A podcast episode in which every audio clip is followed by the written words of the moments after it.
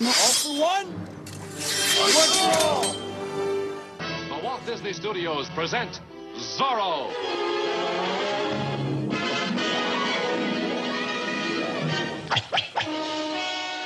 On guard. Right? Alec.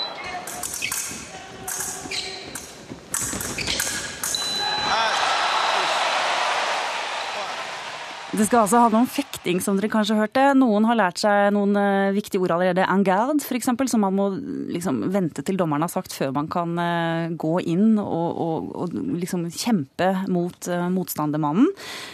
fekteren Bartosz Piaseski han klarte ikke å slå lynhurtige Limardo Gascon fra Venezuela i finalen, men han var fantastisk glad likevel etter å ha eh, fått det sensasjonelle norske OL-sølvet i Kårde. Og vi i Kulturnytt vi har latt oss imponere av de vakre slow motion-bildene på skjermen. Herrer i hvitt som danser av gårde og får inn velplasserte støt på, på kroppene til hverandre. Eh, Jon Tengs, så vidt jeg har klart å, å, å lese meg fram til, så er du den eneste i Norge som har gått ut av idrettshøyskolen med trenerutdanning i fekting, stemmer det? Ja, det stemmer. Det er jeg og kanskje en til fra 70-tallet. Morten Krogh, ja.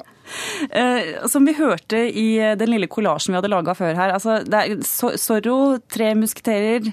Er fekting virkelig en sport?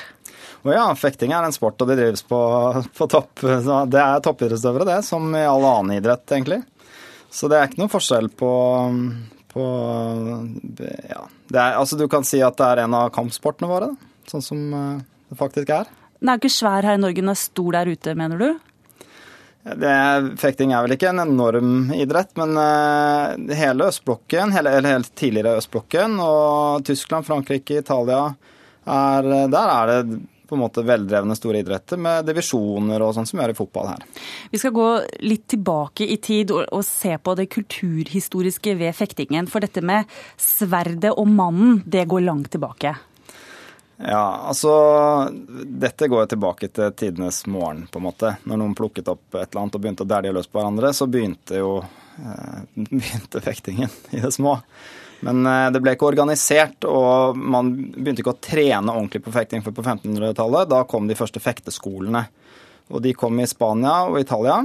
Og da ble ting satt i system. Og dette handler også selvfølgelig litt om utviklingen av metall. fordi den, Idet man kunne begynne å lage lettere våpen eh, og sterkere våpen, så, så eh, kunne man også bevege seg og bruke teknikk på en bedre måte enn med disse store tohåndssverdene som man kjenner fra tidligere.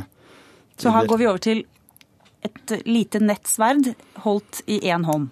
Ja, i, men dette, er, dette, gikk gjennom en lang fase, ofte fra med ett våpen i den ene, et stort og tungt i den ene, og et uh, lettere i den andre, og kanskje et lite skjold i den andre. Og, så dette har gått uh, litt frem og tilbake, men den generelle, den store utviklingen har gått fra, fra store, tunge sverd til lettere enhåndssverd. Og det har også gått da fra slag og, og hugg til mer støt for å si det sånn. Man treffer bare med spissen. Uh, på, i den, altså du kan si siste 100-200 årene så, det, så, har det blitt mer og mer å treffe med spissen, og ikke så mye med, med klingen og, og hugge. da. Og dette var jo da for å rett og slett vinne nærkamper? Det var jo ikke for å ha det som en hobby? Nei, altså sporten kom på Fra 1500-tallet og frem til nå så har dette også utviklet seg sakte, men sikkert. Og jeg tror man kan si at um, i 1870 da, kom, da, fant man opp uh, fektemasken. Og det tror jeg er sånn ganske solid skille fra når man drev med duell for å uh, løse tvistemål og på en måte drepe hverandre, uh, til at det ble en idrett eller en sport, da, mer enn ja. Fordi Det franske hoffet ble veldig glad i, eh, i fektekunsten, de også. Har du fortalt at det er sånn at uh, veldig mange syns det var viktig å lære seg fektekunsten, og det gikk kanskje litt uh, inflasjon i dueller en liten periode her? Ja, altså på, på 1700-tallet så tok dette litt av, for da hadde vi en, en voksen overklasse i Frankrike som på en måte hadde litt lite å ta seg til og lærte seg å fekte og utfordret hverandre for det minste, ikke sant. Dulta borti noen på gata, så kunne du være i en plutselig en duell dagen etter? Ja. Så ble du utfordret, og så, så, var man i gang, da. Og dette eh, prøvde man jo å sette en stopper stoppe for. Dueller ble jo forbudt eh, over hele Europa i denne perioden. da. Og da ble det altså satt en stopper for det, og det ble mer en sport. Og det var ikke sånn at man stakk hverandre med dødelig våpen lenger? Nei, fordi at da så man eh, Altså dette har jo vært trening for krig, selvfølgelig. Sånn som jeg håper å si, nesten all gymnastikk har vært eh, frem til eh, moderne tid. da. Men så har man jo begynt å se på fekting som kunst. ikke sant? At Å utvikle teknikk for å kunne lure og treffe motstanderen, da, det har jo på en måte vært følgen av dette. da. Og kunst kan man si at det er. Det tar lang, lang tid å bli god til å fekte, og eh, man må være tålmodig. Du, Det at den har beholdt da noen av disse tingene fra det franske hoffet fra 1700-tallet, med, med, det franske språket fortsatt, og at det er jo en ekstrem eh, høflighet overfor hverandre, er det noe du liksom fortsatt setter pris på i dag inne på en fektesal?